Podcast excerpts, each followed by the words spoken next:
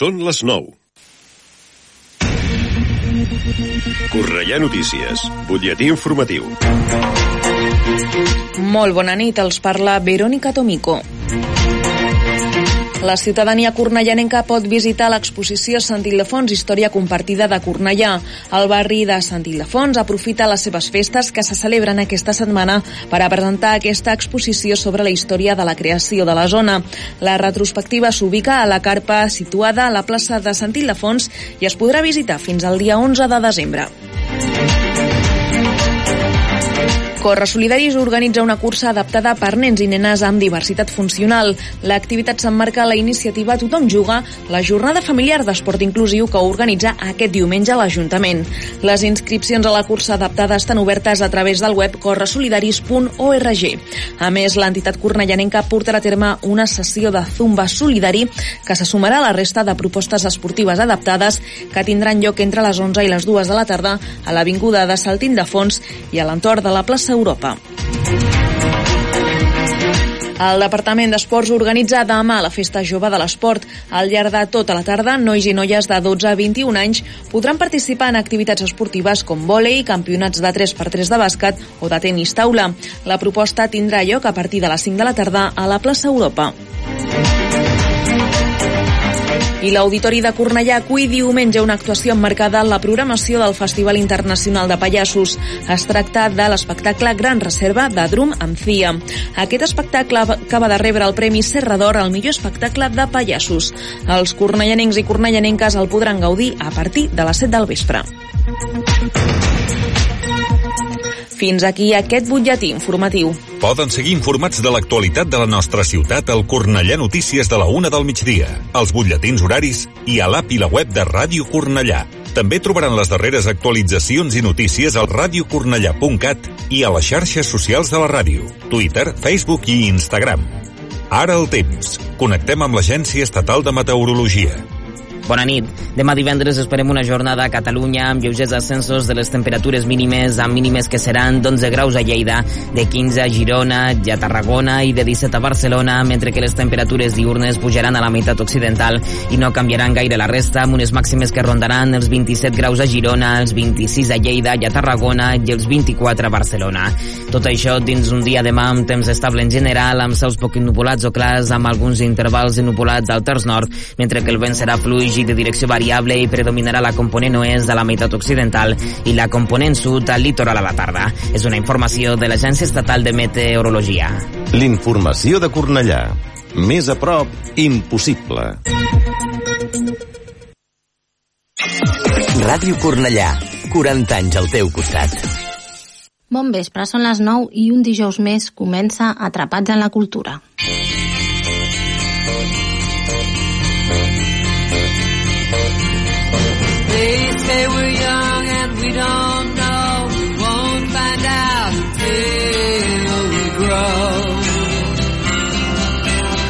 Per amb ell Murray, tots els dies era la mateixa cançoneta.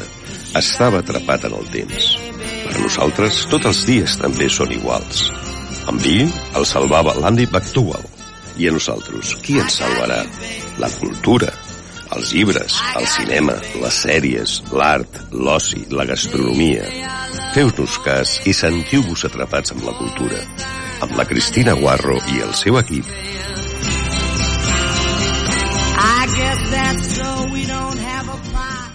Benvolguts oients, tornem a ser aquí una nova temporada més acostant-vos tota la informació cultural de la ciutat i parlant d'altres coses més relacionades sempre amb la cultura. Eh, la setmana passada, fa tot just una setmana, coneixíem la concessió del Premi Nobel de Literatura a l'escriptora francesa Annie Ernaux, qui sorprenentment per mi ha estat dels últims anys una escriptora que conec i de la qual he llegit eh, alguna cosa. Eh, el que sentireu a, a continuació doncs, són unes petites reflexions de la Rosa D. Rey, que és editora a Angla Editorial, que és la casa que ha publicat l'obra d'Annie Ernaux en català. Com vaig eh, descobrir per primera vegada Annie Ernaux? El vaig descobrir llegint el llibre de l'esdeveniment en castellà. És un llibre que em va impactar moltíssim i després va coincidir amb que jo estava començant a aprendre francès I com són llibres breus, vaig pensar, potser sí que m'animo a llegir-la en, en la seva llengua original. I vaig llegir Pura Passió. Clar, vaig quedar bastant epatada per aquesta autora i és una autora que m'ha acompanyat al llarg de la meva vida durant molts anys. Va arribar un moment que vaig pensar, clar, no existeix en català. Resulta que jo treballo en una editorial, resulta que potser la podríem publicar. Però era una decisió complicada o no gens fàcil perquè, d'una banda, s'havia publicat en castellà, havia tingut una història editorial no marcada per l'èxit, sinó marcada per moments en el que havien aparegut els seus llibres i que no havien acabat de funcionar comercial, comercialment i que després havien anat a parar a, a una altra editorial. És a dir, que per nosaltres suposava traduir una autora que ja estava traduïda en castellà, que per tant el lector que la coneixia segurament ja l'hauria llegit, i a més a més no fer-ho alhora que els editors en, en espanyol, que és una cosa que sempre procurem fer, d'anar tots dos alhora per aprofitar la, la força comercial. I la tenia al cap i durant molts anys vaig pensar que no, que, que era un risc molt alt. Fins que va arribar un dia, no sé, no us, no us sabria dir com va anar, que vaig pensar és que del que estem llegint ara, del que s'està parlant ara, és del que porta anys escrivint Annie Arnaud. És el moment de fer-ho sí o sí. Llavors vaig contactar amb, amb Galimard, vaig contractar Els anys i Memòria de Noia, eh, i just tres mesos després li van donar el Premi Formentor a, a la seva trajectòria a Annie Arnaud. Va ser un moment ja molt feliç perquè d'alguna manera aquest risc que jo havia previst quedava esborrat amb el, amb el Premi Formentor i a continuació doncs vam contractar Pura Passió i l'esdeveniment, que són els dos llibres que han sortit com a novetat al, al setembre. Sempre ha tingut la complicitat de la traductora, de la Valeria, que també és una autora que ella havia llegit moltíssim i que li encantava, i des del primer minut que ens vam posar en contacte i estava molt entusiasmada en fer aquestes traduccions. El 2023 tindrem dos títols més d'ella. Doncs vinga, som-hi. Primera agenda cultural de, de la temporada. Eh, demà divendres, 14 d'octubre, d'11 del matí a 1 del migdia, a la Biblioteca Central de Cornellà hi ha la projec projecció del curtmetratge Lienzo. Es tracta d'una activitat inclosa al programa del Dia Mundial de la Salut Mental que va ser el dilluns 10 d'octubre. Afrontar les pèrdues, entre elles la mort, no és fàcil i pot generar un elevat malestar emocional. Amb la projecció del curtmetratge Lienzo us endinsareu en l'exploració del dol per comprendre'n el procés i les diferents maneres per afrontar-lo, a més d'aprendre a acompanyar persones que hagin patit una pèrdua. Estra, aquest taller és a càrrec de la Clara Núñez, que és la referent de benestar emocional comunitari al CAP Jaume Soler, acompanyada de la Cristina Rubirola, referent de benestar emocional comunitari al CAP de la Gavarra, i de la Cristina Padín, infermera referent de salut mental al CAP de la Gavarra. Divendres 14 d'octubre, de 6 de la tarda a 8 del vespre, a la Biblioteca Central de Cornellà, quan surts de casa. Nova activitat inclosa en el programa Va de Contes. Què pot passar quan sortim de casa? Moltes coses, trobar-nos personatges misteriosos o amics, anar per camins ja coneguts o descobrir un nou món, tenir tot a favor o no. Quan sortim de casa tenim aventures i sempre tornarem amb alguna cosa nova. A càrrec de Marta Escuredo a la narració i l'Eva Llombard fent el llenguatge de signes. El públic adreçat a infants a partir de 4 anys i és accés lliure. Divendres, 14 d'octubre, a les 6 de la tarda, a la llibreria Pati Blau, nova sessió de les lectures perifèriques. Les lectures perifèriques no són cap club de lectura, ni tampoc la presentació d'un llibre. Són un espai de trobada amb autores i autors en les quals es parla de la seva obra, del procés creatiu, del món editorial. Aquestes xerrades compten amb la participació dels assistents per enriquir els diàlegs. Aquesta setmana es conversarà amb Carles Armengol, autor de Collado, la maldición de una casa de comidas. Collado és el nom d'una fonda que serveix escudella i fricandó als treballadors del barri de Colblanc, la frontera entre Barcelona i l'Hospitalet de Llobregat. Són els anys 90 d'una Barcelona exultant i olímpica, però el Collado és un negoci familiar que necessita que tots els membres de la família hi treballin. Per al narrador nen, i després d'adolescent, la barra del bar és un mirador des del qual observa les misèries i virtuts d'una parròquia en la qual hi ha prostitutes, mafiosos de passucat amb oli, perdedors de tota mena. També és la càrrega que impedeix a la seva família gaudir d'una normalitat. La xerrada la conduirà en Santi Villa, un dels llibreters de, Pala de Pati Blau.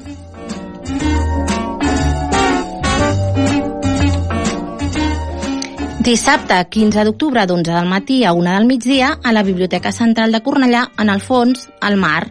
Nova activitat dels dissabtes familiars. En aquesta experiència, les nenes i nens viatjaran fins al fons del mar. Una aventura fantàstica acompanyada de cançons, poemes, meduses i altres éssers que ens ajudaran a conscienciar-nos de la necessitat de protegir aquest ecosistema. A càrrec de Moy Aznar i és un públic adreçat a infants d'entre 1 i 4 anys.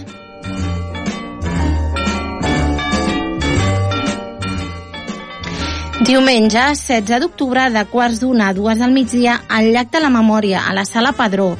Espectacle del Carles Gutiérrez i l'Ignasi Guasc. És un espectacle poètico-musical a partir dels poemes de Joan Vinoli, que en aquest cas l'Ignasi Guasc, l'actor, és qui en fa la selecció de poemes. Fa la dramatúrgia i la direcció escènica. La música original és del Carles Gutiérrez, el guitarrista. El que jo sóc és un concu concupiscient, però no perdo, mal que ho semblo, del tot, la mesura, va escriure Vinyoli. El llac de la memòria és un espectacle teatral, poètic i musical, que viatja pels objectes de plaer del poeta. Camino encara sense crosses, menjo, bec vi, m'agraden els llavis incandescents però també per les pors, pels anels i per la quotidianitat que el definien, perquè al capdavall un poeta també s'adorm al balancí rere el balcó mig tancat per por dels corrents d'aire sempre perillosos.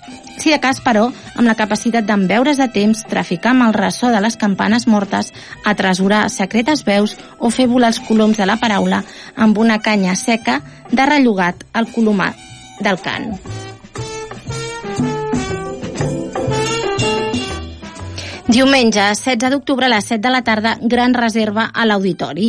Aquest espectacle forma part del 19è Festival Internacional de Pallassos Memorial Charlie Rivel i és un dels plats forts de la mostra. D'aquest festival en parlarem més tard al final del programa perquè ho farem desglossat dins de l'agenda perquè si no ens hagués sortit una agenda excessivament llarga. Eh, com deien, justament aquesta setmana coneixem la notícia que la revista Serra d'Or de publicacions a l'Abadia de Montserrat ha otorgat els Premis Crítica Serra d'Or 2022 designant Gran Reserva com el millor espectacle de pallassos. La companyia Rum en companyia ens presenta Gran Reserva, una gran festa inacabable, esbojarrada i amb un ritme frenètic en què trobarem els millors moments de la trajectòria de la companyia amb l'estrena de nous números que configuren aquest espectacle embolcallat de l'humor, el gambarrisme, la màgia i la música d'aquests pallassos multiinstrumentistes tot amanit amb grans dosis de tendresa i emoció.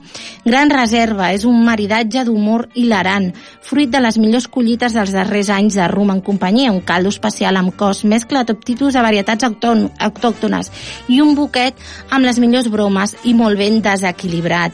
Jordi Martínez, Joan Arquer, Roger Julià, Mauro Paganini i Piero Steiner són els membres de Roma en companyia. En poc temps s'han convertit en tot un fenomen teatral, aconseguint un gran èxit de públic i crítica. La conformen un repòquer d'artistes de diferents nacionalitats que saben com seduir el públic, fent ús del seu carisma i les seves històries surrealistes.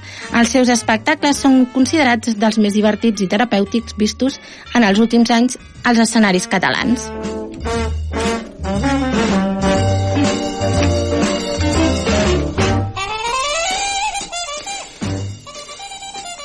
Dijous 20 d'octubre a les 7 de la tarda Teatre Fòrum Segundo Plana a la Sala Padró.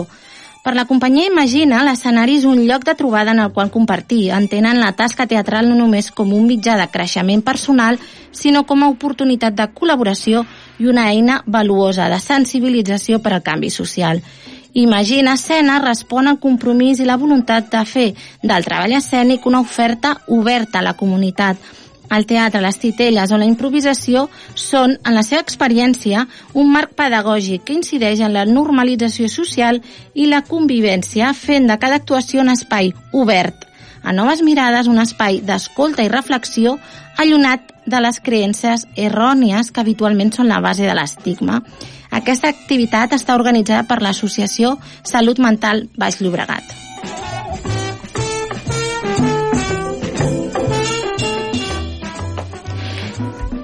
I en el marc de les festes de Sant Ildefons, eh, Sant Ildefons, una història compartida, una exposició de gran format que es pot visitar des del 12 d'octubre fins a l'11 de desembre a la plaça Sant Ildefons davant del centre cívic. En fem un petit tastet. D'aquí uns minuts, han acabat l'agenda, desenvoluparem encara més què podeu veure en aquesta eh, exposició. Diu, al 1960 van començar les obres de construcció del barri de Sant Ildefons. L'exposició Sant Ildefons, una història compartida, té l'objectiu de dirigir una retrospectiva als seus orígens, descobrir la seva riquesa sociocultural i donar a conèixer els projectes que dibuixaran el futur. L'inici de les obres va donar pas a 14 anys frenètics d'edificació constant, fins a construir els més d'11.000 habitatges del primer sentit de fons, conegut aleshores com la ciutat satèl·lite, perquè així es va promocionar. Però els protagonistes principals d'aquesta mostra són els veïns i veïnes que han habitat el barri des dels seus inicis fins a l'actualitat. Com deien, d'aquí una estona desenvoluparem una miqueta més aquesta exposició i ara ens anem de festa.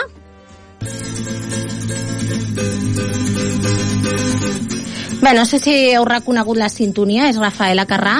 Eh, la posem, bé, mm, perquè ens agrada Itàlia, ens agrada la música italiana, eh, malgrat els resultats de les últimes eleccions electorals i un pre- previsible mal govern, tal qual, doncs el proper dijous eh, 19 d'octubre, ai dijous, perdoneu, mira que m'ho he notat i com sempre no falla, primer programa ja m'equivoco. 19 d'octubre és dimecres, disculpeu, disculpeu. Doncs a la sala Luz de Gas es projecta un concert homenatge a partir de les 9 del vespre. e ho capito che non si deve dire mai la verità. Se un giorno ti scoprissi innamorata, no, non devi dirlo mai, tienilo per te. Ti dicevo senza di te, cosa farei senza di te? Mm, va, en farem un petit repasset a la figura de Rafael Carrà i les seves cançons despreocupades que van marcar una època. I aquest tribut a la gran diva és un repàs amb música i ball en directe de tots de totes les seves coreografies i les seves fites. Com deien, serà una única funció el 19 d'octubre, dimecres, a les 9 del vespre, a la sala Luz de Gas. La cantant i ballarina italiana Vanessa Grilone és qui dona vida a Rafaela Carrà, acompanyada de ballarins que busquen plasmar fidelment el ball i l'estètica dels anys 70 i 80 en coreografies pensades i creades per la cohesió pel coreògraf Víctor Rodrigo Víctor Rodrigo. Grilone doncs, acostarà al públic la figura de Carrà, ajudada del seu marcat accent italià, eh, no en podria ser d'una altra manera, característic de la diva dels 80 i caracteritzada fidelment del personatge. A més a més, l'espectacle eh, anirà acompanyat d'una banda en directe amb músics de reconeguda trajectòria nacional, com Muñoz Napos, qui ha acompanyat a la banda Jarabe de Palo els últims sis anys, el Santi Úrsul, acompanyant de Loquillo, o Miki Izquierdo, acompanyant de Serrat, entre d'altres. Acabem festa amb aquest petit homenatge a la gran diva i continuem l'Atrapats a la Cultura del, del 13 d'octubre, no? Sí, perfecte. Festa. Se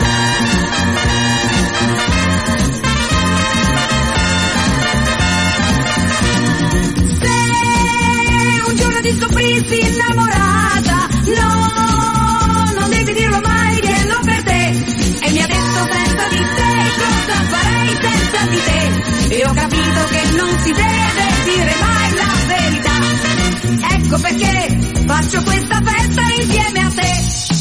Festa, ma che bella, ma che bella questa festa. Ma che bella, ma che bella questa festa. Questa festa, questa festa insieme a te.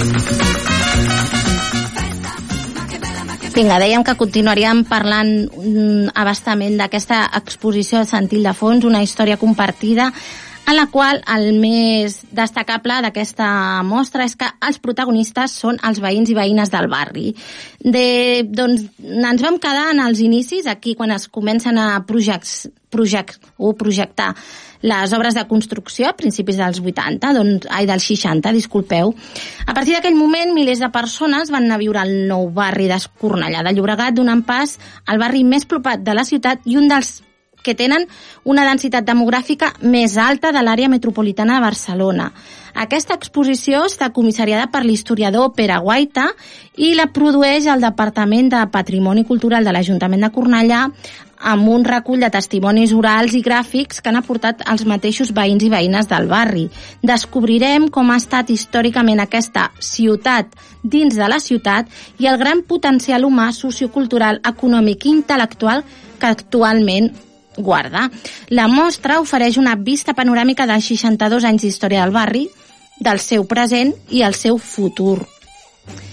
Un espai entre la muntanya i la costa. El terreny que ocupa el barri es divideix en dues zones, una de plana, conreada durant generacions pels pagesos de Cornellà, on temps després es van construir els blocs d'edificis, i una segona amb un forn desnivell al talús, on es localitzaven diverses coves utilitzades com a habitatges per moltes persones immigrades arribades a partir del final de la dècada del 1940. Aquell ampli territori era vist abans de la seva urbanització com un espai d'esbarjo i de trobada es va passar dels 7.500 habitants inicials del projecte de 1956 als 45.000 habitants en el projecte aprovat definitivament tres anys després, el 1959. Sant Ildefons, al barri nou. El 1956, l'Ajuntament va promoure als terrenys de Sant Ildefons un pla parcial públic per construir-hi un nou barri per a uns 7.500 habitants, basat en un model de ciutat-jardí, però el projecte va quedar aturat. Al març de 1958, el govern espanyol va aprovar el Pla d'Urgència Social de Barcelona, que va donar el tret de sortida a la construcció del barri de la mà de l'empresa Construcciones Espanyoles S.A., modificant el projecte inicial, augmentant l'edificació fins als 13.000 habitatges, tot minvant la dimensió dels pisos i reduint l'espai ciutadà destinat a zones verdes i a la construcció dels equipaments públics de, de més bàsics. Doncs com veieu això, sembla que 50-60 anys després continuem igual. S'inicia la construcció de la ciutat satèl·lite de Sant Ildefons. Des de l'any 1960 es poden comptar per milers de persones que es van instal·lar a la, de, a la denominada com ciutat satèl·lit, amb el somni de disposar d'un habitatge digne i feina en futur i amb la idea de poder iniciar un projecte de vida personal i familiar. La manca d'escoles públiques va propiciar l'aparició d'acadèmies, ateneus i col·legis privats. Es va iniciar l'associacionisme, amb la creació de penyes, associacions i, club, i clubs esportius. Es gestava el moviment sociocultural de Sant Ildefons. A la dècada del 1990, Sant Ildefons va tornar a acollir una nova onada migratòria. En aquest cas, però, el barri va rebre una immigració internacional fins a acollir-hi unes 80 nacionalitats diferents. El projecte presentat per l'empresa eh, detallava els serveis que qualsevol barri podria necessitar, però l'empresa va renunciar-hi emparant-se en la necessitat d'enllestir els blocs projectats i en els enormes beneficis que generava. Diverses generacions van viure mancats de qualsevol tipus de servei públic de qualitat, patint la intensa edificació del territori i el veïnat es va mobilitzar per reivindicar-los mitjançant l'Associació de Veïns de Sant Ildefons. Amb l'arribada dels nous ajuntaments democràtics s'iniciava el canvi radical a les polítiques urbanístiques municipals posant l'espai públic comunitari i els serveis al capdavant del nou projecte que tot just s'iniciava el 1979. Sant Ildefons avui. Els veïns i veïnes de Sant Ildefons són els autèntics fonaments del barri, són la clau sobre els que recau la convivència, el civisme, el passat, present i futur del barri. Per aquest motiu, els seus testimonis esdevenen de gran rellevància per comprendre la percepció del territori que habiten. En aquest àmbit coneixerem mitjançant un audiovisual diversos testimonis que ens expliquen quina ha estat la seva vinculació amb Sant Ildefons, com l'han viscut i què esperen del seu barri pel futur, amb nous projectes vinculats i les perspectives opinions i aspiracions del veïnat. Imaginem aquesta evolució de Sant Ildefons al futur. Moltes coses s'han dit i s'han escrit sobre el barri Sant Ildefons a Cornellà, però poques vegades s'ha mostrat la seva història a través dels seus veritables protagonistes, les persones que van arribar a la nostra ciutat durant la dècada dels 60 i que es van instal·lar a la zona alta de la ciutat per construir-hi el seu futur. Milers d'homes i de dones que van deixar les seves famílies, les seves històries i les seves arrels, però carregats d'il·lusions a les seves maletes. Si el cinema reconeix als Estats Units com la terra promesa, per a molts andalusos, extremenys i manxecs, la veritable terra promesa durant la postguerra i els anys centrals del franquisme era Barcelona i, per conseqüència, els seus municipis més propers. Tot aquest esperit i els sentiments confrontats de les persones que van migrar a Cornellà i que van ajudar a construir la zona al satèl·lit és l'eix vertebrador de l'exposició Sant Ildefons, una història compartida. La mostra es va inaugurar dimarts 11 d'octubre a la plaça Sant Ildefons, coincidint amb les amb l'inici de les festes del barri. Aquesta exposició és un recull oral i gràfic sobre la història personal de les primeres persones que van viure a Sant Ildefons, testimonis reals que expliquen les seves vides i les seves problemàtiques i il·lusions personals. La finalitat d'aquesta mostra no és cap altra que manifestar el gran potencial humà, social, econòmic i intel·lectual d'aquest barri. Recordeu, Sant Ildefons, una història compartida, la podreu veure a la plaça Sant Ildefons, davant del centre cívic, fins a l'11 de novembre.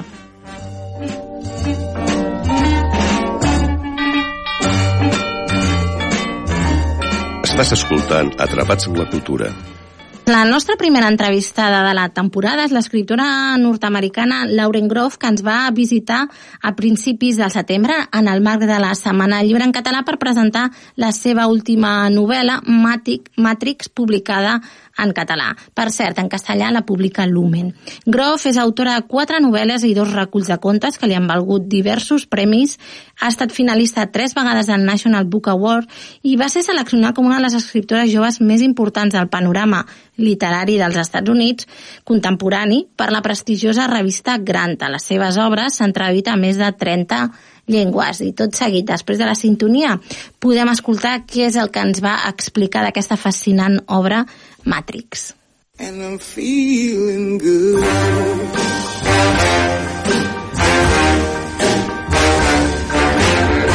L'entrevista. La primera pregunta. So my first question. Eh, ok, eh, per què Maria de França? Why Maria de France? Oh, I've been in love with Maria de France for over Porto 20 years. Més de 20 anys enamorada de la Maria Sí? de França.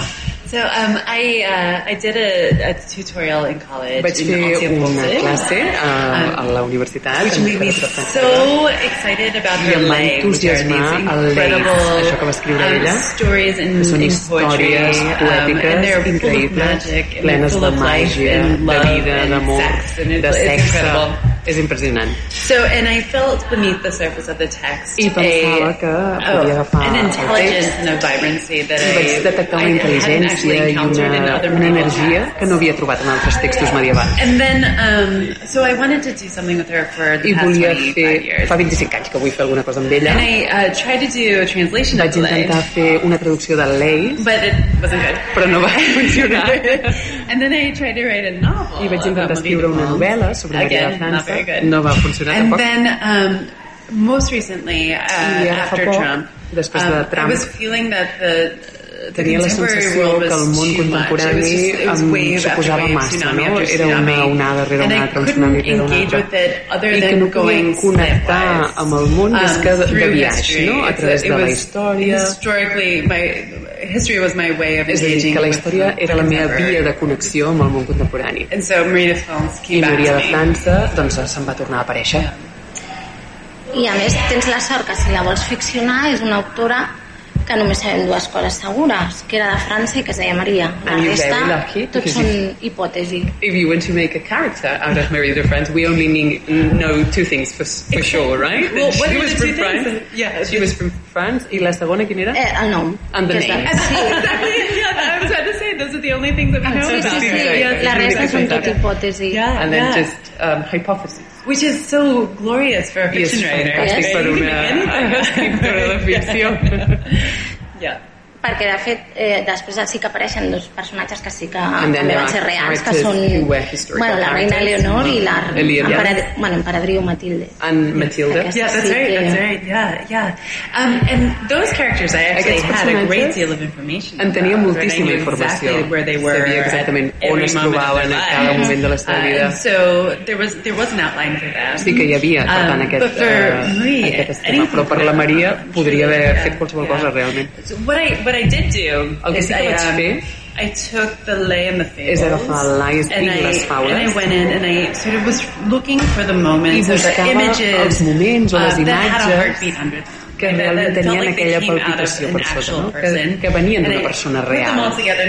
I ho vaig reunir i allò es va convertir com en, en una base And um, and then out of that, there came I my d'allò character. va sorgir el I felt personatge. like it was the only thing I could do. L'única was cosa que podia fer realment que segurament no va fer justícia a la persona real però no sabia com trobar-la d'altra manera Bueno, tampoc, no crec que sigui gaire important, no? I don't, Tampoc, I don't no. think it matters I don't it matters to me. a mi sí, a mi sí Ah, m'importa. sí, sí. Si vols fer història, però You want to ficció... do history, but it's fiction. I know, of course, exactly. Yeah. Saps, per què decideixes eh, situar l'acció en un convent? So why an abbey? Why action takes place in the abbey? Well, I was interested in a world without men. A mi m'interessava un món sense homes. Um, yeah. And I also, when I was doing a lot of historical research, of course, um, with a lot of the, the narratives of the time, they were written by men, and women were only big shadows les along dones the eren wall. com They were not, ombres a la um. They were not embodied people, right? No they eren were just sort of persones de carn i ossos, eren com idees. So I, um, I wanted to flip that around I volia donar-li do la volta això i fer el mateix, però a And so the men in l'inversa. this book, they, I els they homes exist, del llibre existeixen right? però com a they're sort of ombres. like- they're not individuals. No they're són the persones, estan a la paret. In the original English, Fins i tot um, en the, l'anglès the animals original, are, are female. els animals fins i tot són femenins. True. Hi ha, mm, apareixen diferents animals que són força simbòlics en la literatura medieval. Un d'ells és el cèrvol blanc, després There hi ha- are several- bueno, rossinyol, que de fet fa referència al lai. Uh, several medieval animals that are very symbolic, like uh, the, The white deer, yeah, yeah, and the and the white- yeah, yeah, yeah. The, it's a reference to the lies. Oh yeah, absolutely. Uh, actually, all throughout the book, if one Tot el llibre. really knew the lay, they would find Si coneixes el, um, el lei, uh, li- little things throughout the book. hi um, trobaràs coses aquí i allà que són referències al lies. De, una de les, les vivències de les dones a l'època medieval. The experience of women in the medieval bueno, la vida que ens esperava era es the, casaven the o, life they had was to be married, si right? volien viure tranquil·les era anar-se'n al convent and if they wanted a peaceful life, they went to an abbey or a nunnery, i de fet hi havia moltes vídues que després and many se n'hi widows anaven. uh, would go there. Yeah. Yeah, well, um, they were fascinating places. Eren llocs right? I mean, fascinants, they were places full of people Plens de gent que no hi volien ser, tampoc. uh, Hi havia dones one i noies que eren rebutjades per les seves famílies, per la raó Um, que fos, per la societat. Hi havia So, prisioneres de guerra, um, també. Per exemple. Els anglesos eh, buscaven princeses galeses, agafar-les i col·locar-les a convents babies which perquè no poguessin quedar-se embarassades i que acabessin sent una amenaça pel rei. Um, so, so it it was an interest. They were interesting places of peace. Eren llocs they were de also pau molt places of some interessants. friction as També well. de fricció, òbviament, sí. De fet, una de les coses per les quals la Maria acaba al convent és perquè explica que no la poden casar. One of the reasons why Marie ends up in the abbey is because she's not marriable, right? Yes, absolutely. candidata. Right, She yeah. cannot be eligible. Well, yeah, nobody thought she would be able to. No, I mean, ningú she, she, pensava que ho she was not um, of the feminine ideal, for sure. No formava part de l'ideal femení de l'època, no.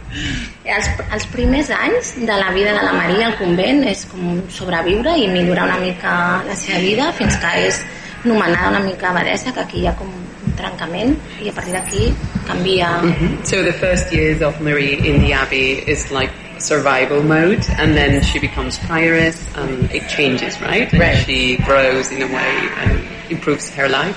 Yes, Yeah. Well, so she was raised to be someone who um, could take over an estate when the men were gone. que pogués encarregar-se de la propietat Actually, quan if hi havia els all homes. of the Si ens um, mirem of the day, totes they were les uh, priores de l'època eren gent extraordinària. could um, gent que podia languages. llegir i escriure en diversos idiomes, sabien de càlcul, de números, quan en aquella època cap dona tenia ni idea de matemàtiques ni d'idiomes. highly capable, Per tant, very eren intelligent dones molt capaces, molt intel·ligents, At one point, que en un moment the, donat the abbey is owned by the nuns. L'abadia um, actually, és they, they had propietat de les monges the kingdom i tenien més terres que el regne think La qual cosa és sorprenent si pensem en la terra com poder So, en aquell moment. um, so yeah, so Marie was raised to be the kind of person La who would be Marie able to do la van that. educar com una persona and que she pogués also- tot això.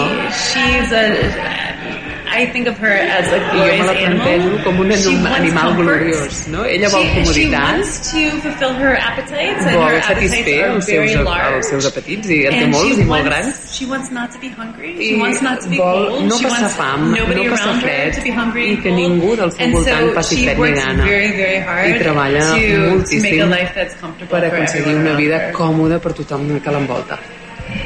I dèiem, aquests primers aquests primers anys estan com descrits com molt ràpid, que passen molt l'acció molt ràpidament i després de cop i volta ens plantem això en el moment en què és l'anomenada bellesa que coincideix, coincideix amb la menopausa i és el seu reencontre amb Eleonor i sembla que la història una mica canvia So the first years are like um, described very briefly in Yes. a way, right? Superficially, and then we focus and stop at the when she becomes uh, prioress or uh, abbess, and it coincides with the menopause, and she meets back with Eleanor, and so it changes. The pace uh, Yes. changes. Yeah, the pace of the book does change. Yeah. Sí, Yes, el yeah. Yeah. So what I was most interested in A mi el que més in, um, in the life of Marie when I was uh, writing Maria, the first few drafts. quan uh, escrivia els primers esborranys, I, I based a lot of Marie on Hildegard von Bingen. jo vaig basar la Maria en la Hildegard von Bingen, And it was only after menopause i that va she ser got her després de la menopausa God. que ella va rebre les So, visions de Déu. One of the things that I'm writing about in this book is female de les que power. escric en aquest llibre and, és el poder femení. i les idees subversives del poder And in femení. today's world, I en el món actual, women have no power les dones no tenen poder right? després de la menopausa. Però a mi m'encanta la idea que és quan ella rep tot el seu poder, el so poder exciting. concedit per Déu. Em sembla emocionant que sigui aleshores. fet, en aquesta segona visió que, vision, que parla entre la figura d'Eva i de Maria Eve and Marie, Yes. que, que hi apareix el Matrix i Salva Matrix, que és una mica la referència al and the títol. Matrix and Salvatrix, Yes, right? yeah, very good. Yeah. Eh, quina és la, bueno, la referència amb el títol o la, So la importància? the title or how important it is? Um, So yeah, so the title I I intended to to have meaning in el about títol ten different directions. volia que tingués so- moltes excepcions So diferents. um, right, because it it means mother Perquè and abbess is the mother of everyone. la- it's also la blue, priora- you know. priora és la mare de Um, tothom.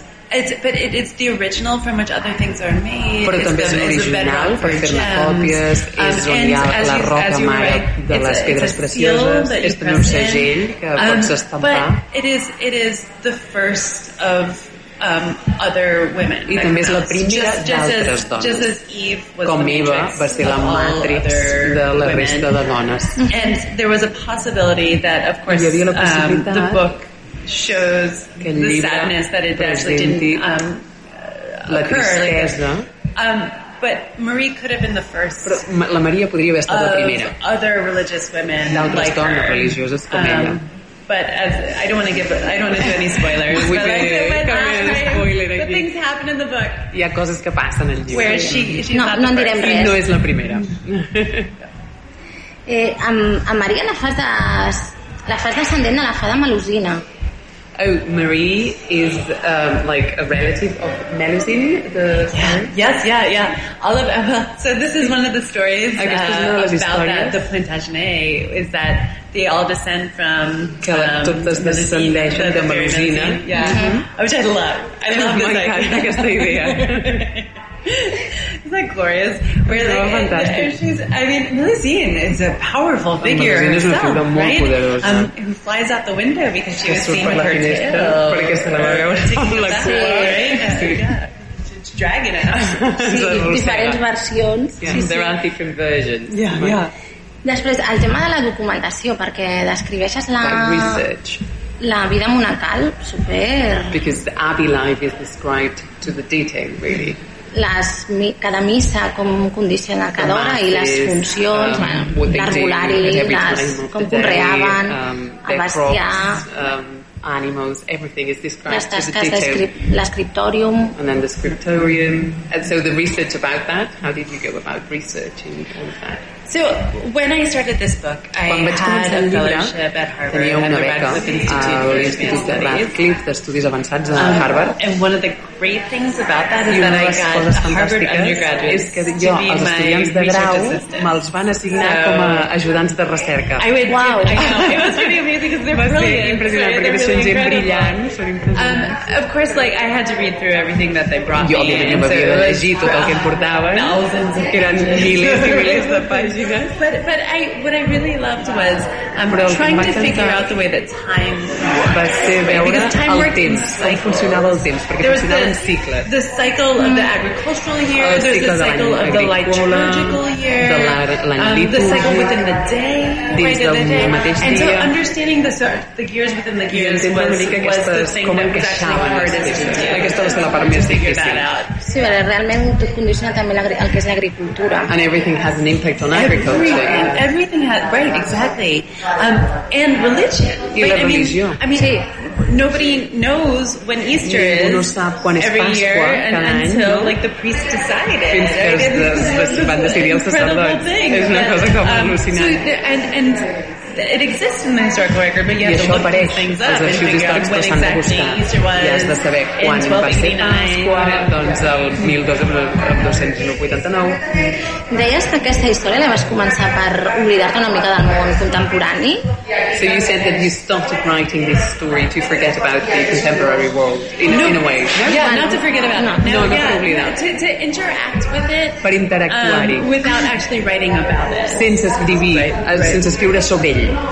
So yeah, yeah, I see it as um, today and the time a thousand years ago, dia sort i of ara fa speaking mil past the anys, distance com si es, back par and es parlessin, uh, salvant la Val, distància. perquè sí que hi ha una cosa que es connecta que és la violència i la manera com s'exerceix Because there's a el connection, which is violence, and how violence is Yeah. exerted, and power, how power is. power and violence, yeah, and um, and the way that um, I believe we have misread Genesis. Jo crec que hem llegit malament el Gènesi. So instead of dominion over the En earth, comptes del domini de la terra i um, altres elements. we have dominated. El que hem fet és domination dominar, is no? very I male, la dominació és molt violent, masculina, and it has brought us to this violenta point in i ens the ha portat Anthropocene. fins aquí, en l'antropocè, Um, as opposed to dominion, which I en think has more la, caregiving, femenina, que és més de caretaking to it. cures, de tenir compte, etc. Sí, però això Maria sí que és una mica eh, acaba exercint certa, certa violència i una mica But- governant amb valors masculins, per dir Marie d'alguna manera. ends up being slightly violent Absolutely. and Yes, ruling with a masculine uh, touch. No, in a way. and that's the irony, right? I aquesta és la ironia. So here, I do believe that power, obviously, Jo crec que el poder um, corrompeix, and, és així. and even female power. I fins i tot el I mean, poder I, femení I went corromp. into this thinking about female power versus male power because of Sí, Hillary ens and Trump. plantegem right? precisament But then per I Trump started i Hillary el thinking, poder femení i even masculí. Hillary would not be tot la perfect, of course. no hagués estat perfecta. Way òbviament. better, way more Molt perfect. millor, eh? Molt millor. but, no. but but but um, women, men, anybody, anybody dones, els who homes, has qualsevol, been um, qualsevol stepped on, who then gets que power, li hagin trepitjat, I que després li donin will poder, eventually end acabarà up repeating repetint that, en the, algun the moment power dynamics la dinàmica de uh, poder. around people, on people Amb- around amb la gent que yes, l'envolta. yeah, that, that was No creus que es pugui canviar? Don't you think we can change that? I think we can, Sí, but I think it, we're often um, blind to the Però way that it som, estem cecs happens. davant I think, yeah. com això es materialitza, I think aquesta power repetició. in itself is so Jo crec que el poder it's, it's radiant. It's like the sun. és com, eh, and it radiant, makes és it com el sol. almost impossible to see I és what we are doing. impossible right? veure el que fem, el que It, estem it, it fent. is it's so hot. It burns so hot. És perquè crema, realment. També és cert que en el cas de l'època medieval, o sigui, si no acabes dominant i esclafant l'adversari, t'ho feien a tu. It's true that in medieval times, if you did not step on your neighbor, he would step on you. you Absolutely, Uh, yeah, yeah. Which is whi- which happens now in the United això States as well. I mean, Estats let's be totally honest here. We are not far from that. No estem tan lluny We're maybe in the Middle Ages of the Podem modern age. a l'edat mitjana de l'edat moderna. Bueno, els mètodes són més no, sofisticats. With more sophisticated methods, maybe. More sophisticated methods Sí, of més um, mètodes sofisticats. uh, what, uh, sorry, I'm, I'm trying to think of the the economic structure of feudalism. Yeah, Ah, I mean, it, we're, el we're- feudalisme, It, it sí. is feudalism. És un but we feudalisme, pretend it's a però democracy. fingim que és una democràcia. Yeah. Sí, sí. Reflexió. Yeah, reflection there. I una, una última pregunta. La, la construcció del laberint, que és com si fos la... Oh, the labyrinth. No Oh, sé, yeah, yeah. com certa comparació amb la creació, com, bueno, en certa manera és un, un, la creació d'un món propi, It's like que building m'he your own connectat amb l'escriptura, right? perquè és quan ella comença a reprendre l'escriptura. Maria. connected to writing because that's when Marie restarts writing, goes back to writing. Yes. Right. Yeah.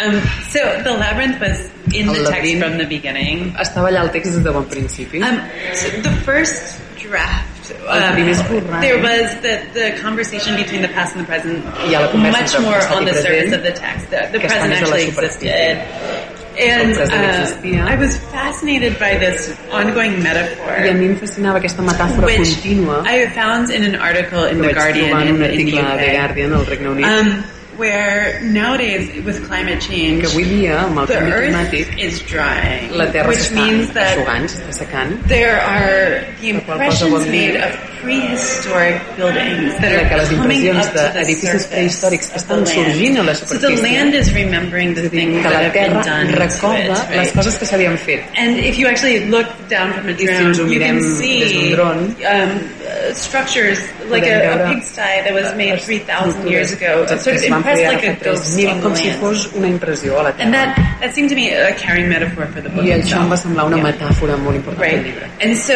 I thought, well, how amazing would it I be vaig pensar, seria fantàstic. if, you know, even if the labyrinth were Encara destroyed, and it would have been over time, if one could have seen this thing si coming haguéssim up through the, the earth veure and, and, això and sorgint so the- the- so even even if um, the things that we do on the planet. Fins i tot are si que fem the planeta itself destruïdes, que la Terra mantingui que- la memòria d'allò que De, havíem de fet. fet, una de les conseqüències de la construcció del laberint és que trenca l'ecosistema. One of the consequences of the building of the labyrinth is that it breaks the ecosystem, right? Exactly. Els animals que exactly hi it. viuen. And Yeah, the animals yeah. living in it. And that's what humans do. I això és el que fan els Yes, humans. right, Nosaltres yeah, yeah. trenquem el sistema. Yeah, I mean, the first person to control La primera fire, persona que va controlar el um, foc, no? was engaged in climate change. Eh, ja va participar del canvi It- is the story of humanity. És la història de la humanitat.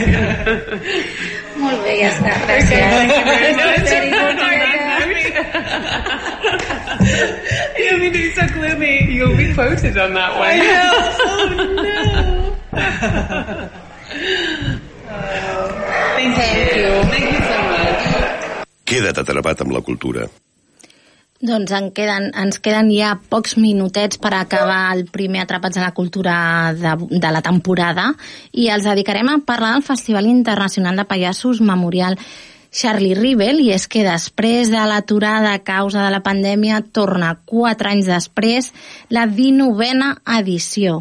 Comença aquest diumenge i això significa que a partir del 16 fins al 23 d'octubre Cornellà serà un any més la capital del circ.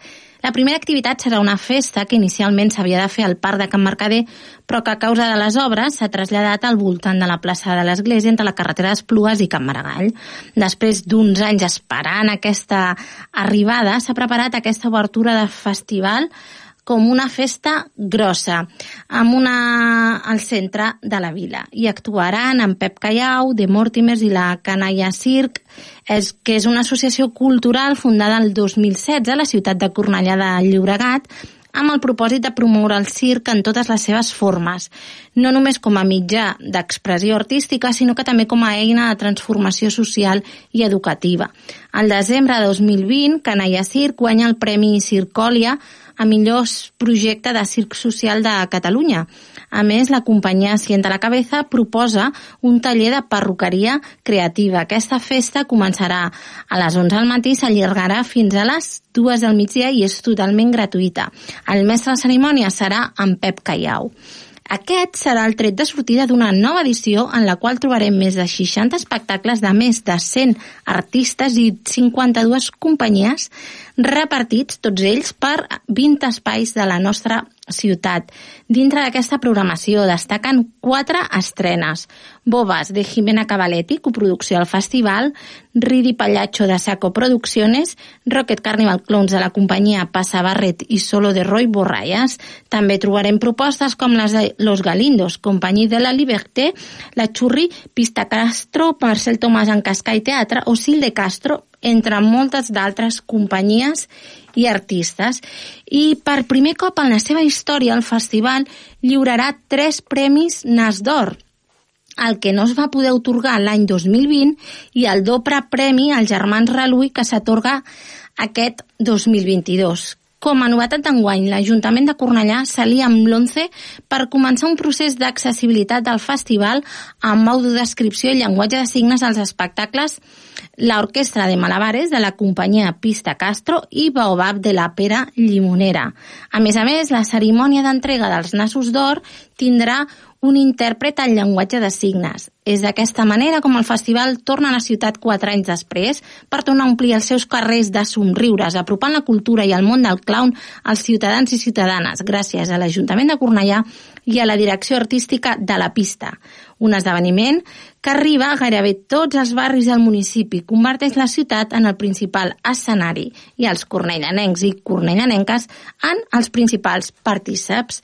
Torna a la carpa a la plaça de Catalunya amb les gales a la pista els dies 19, 20, 21, 22 d'octubre, a més dels espectacles a les sales de la ciutat, amb la novetat de dos nous espais, Sala Padró i Espai Casallers. I durant cada dia els carrers de Cornellà estaran plens d'animació i espectacles gratuïts a l'aire.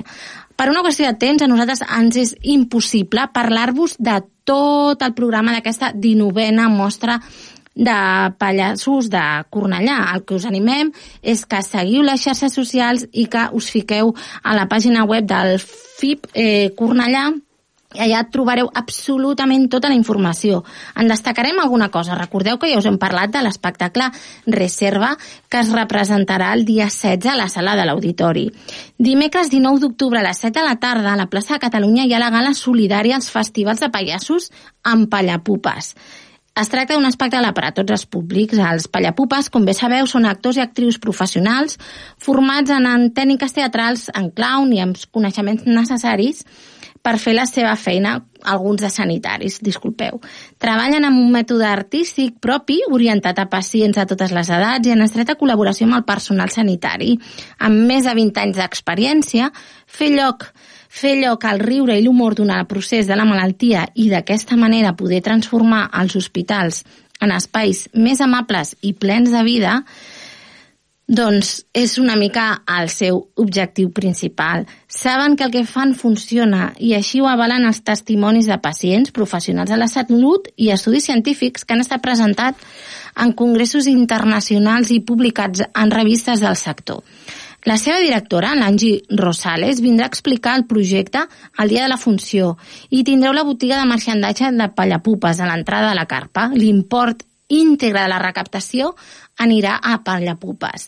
I ara ampliarem una miqueta aquesta informació perquè la nostra companya dels informatius va assistir a la presentació del festival i va poder parlar amb en Jordi Juani, eh, Juanet Boni i la Sílvia Comte, director i codirector artístics. I tot seguit escoltem què ens van explicar. Abans de començar a parlar de les novetats d'aquesta 19a edició, parlem una mica de l'esperit del festival. Per què és tan important i tan especial aquest festival de pallassos? Perquè ens fa falta riure molt, molt i molt, cada vegada més, perquè la gent ha d'expressar-se de, amb llibertat, ha de riure, hem d'estar tranquils i hem de tirar endavant. Llavors, fer un festival així ajuda, motiva i incentiva en els ciutadans i a, i a les ciutadanes de Cornellà i i, en, i en els visitants també. Sí, perquè realment tenim molts visitants que no són només de, de Cornellà, sinó també d'arreu. És una edició que a més s'ha fet molt esperar perquè ens va agafar la pandèmia, perquè me va haver d'aplaçar-la. Hi ha novetats importants aquest any? Bueno, una novetat, o sigui, com a novetat, eh, el que tenim que tenir clar també, com que l'edició 2020 es va cancel·lar, eh, s'ha mantingut la programació, la majoria de la programació que estava prevista pel 2020, pues, per consciència ètica i professional per mantenir els professionals que estaven convocats al 2020 a aquest 2022. Hi ha algunes petites eh, modificacions i s'ha ampliat amb algunes altres companyies i com a, bueno, com a algo així novetat doncs tindrem tres nassos d'or aquest any s'entregaran tres nassos d'or i algunes eh, i quatre estrenes. Per exemple tindrem quatre estrenes d'espectacles de, de pallassos i pallasses en el festival. Parlem d'aquestes estrenes L'estrena, mira, uh, tindrem a la Cia Jime, Jimena Cavalletti, val, vale, amb l'espectacle Bobes, que és l'espectacle seleccionat de la, per, un, una, per anar a coproduir un espectacle. Llavors, elles uh, estrenen, serà el dissabte, em sembla, a, la, a, a, a, a, la, a les 6. Després tindrem també a la Sala Padró, una nova sala que també entra al festival. Uh -huh. Tindrem en el Roy Borralles, vale, amb l'espectacle Solo. Després tindrem a una companyia extremenya, a Saco Producciones, amb, amb l'espectacle Ridi Pagliasso, dirigit per en Tortell Poltrona i la última les Cacofònic, no, la última no la companyia Passabarret amb l'espectacle eh, aquest sí que no me'n recordo, Cabaret Clown Rock, no, Rocket Cabaret Clown Mira, penseu que són 52 companyies, valen molt, molts espectacles i no els tenim Clar. tots en el cap, però serà un festival en el carrer a tope, mm, que arribarà a les escoles, a, a les residències, a les, a les biblioteques, en els teatres, a la carpa. A la carpa hi farem la gala a la pista, gala del festival, que està dirigida per la Gina Segura, la Xurri, una pallassa catalana boníssima, i no us ho perdeu, si plau. Bé, doncs agafo les paraules que acaba de dir vostè, Boni, i és que no només la Sala Padró s'assuma en aquesta nova edició del festival, sinó també això que deia, moltes activitats, molts espectacles a l'aire lliure per poder facilitar que tothom pugui gaudir del festival, tingui o no possibilitats de comprar les entrades, i per exemple, aquest diumenge que comença el festival, aquest dia 16, ja comencem precisament al Parc de Can Mercader amb una festa a l'aire lliure. Com serà aquesta festa? La festa aquesta serà a l'Ajuntament, eh? La pla, uh, Carretera d'Esplugues. exacte, la carretera d'Esplugues. No, no, no, no es farà en el parc perquè estan obres, em sembla, alguna cosa així.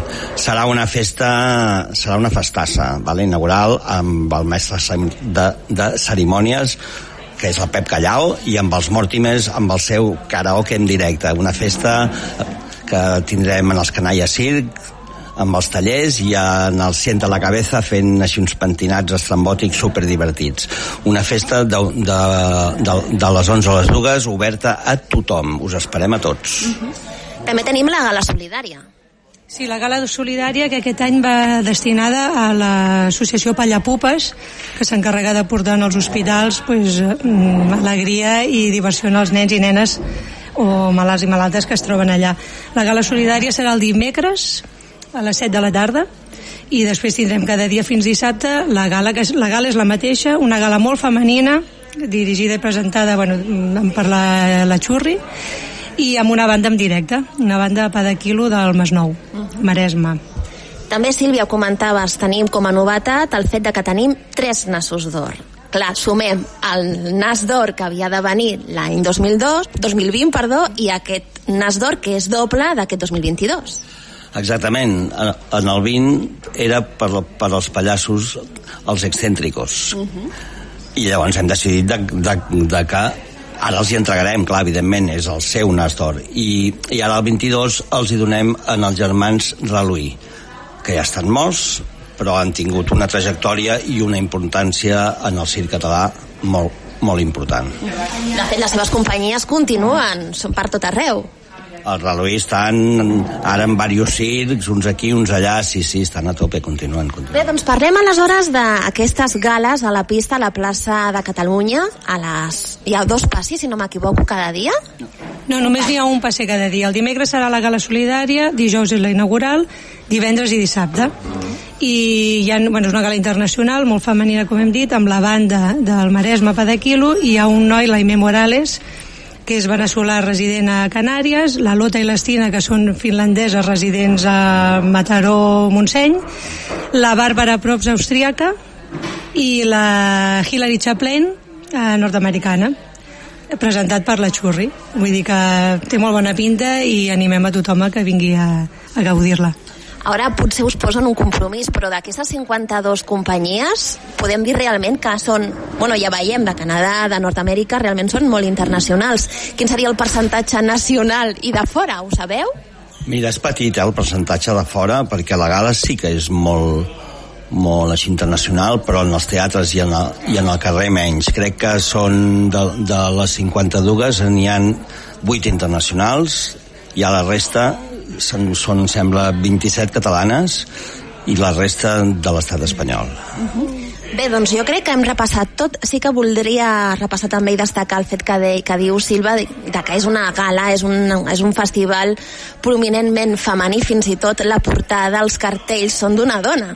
Sí, la sabata d'una dona, la sabata d'una pallassa, en aquest cas la sabata de la Pepa Plana, una pallassa catalana, i sí, bueno, hem intentat fer també un, o sigui, una programació on hi hagi tant dones com homes participant i crec que ho hem, bueno, ho hem més o menys aconseguit. Fa un parell d'edicions, si no m'equivoco, el festival es va centrar molt a reivindicar el paper de la dona pallassa. Hi ha diferències entre un pallasso i una pallassa? No. El cas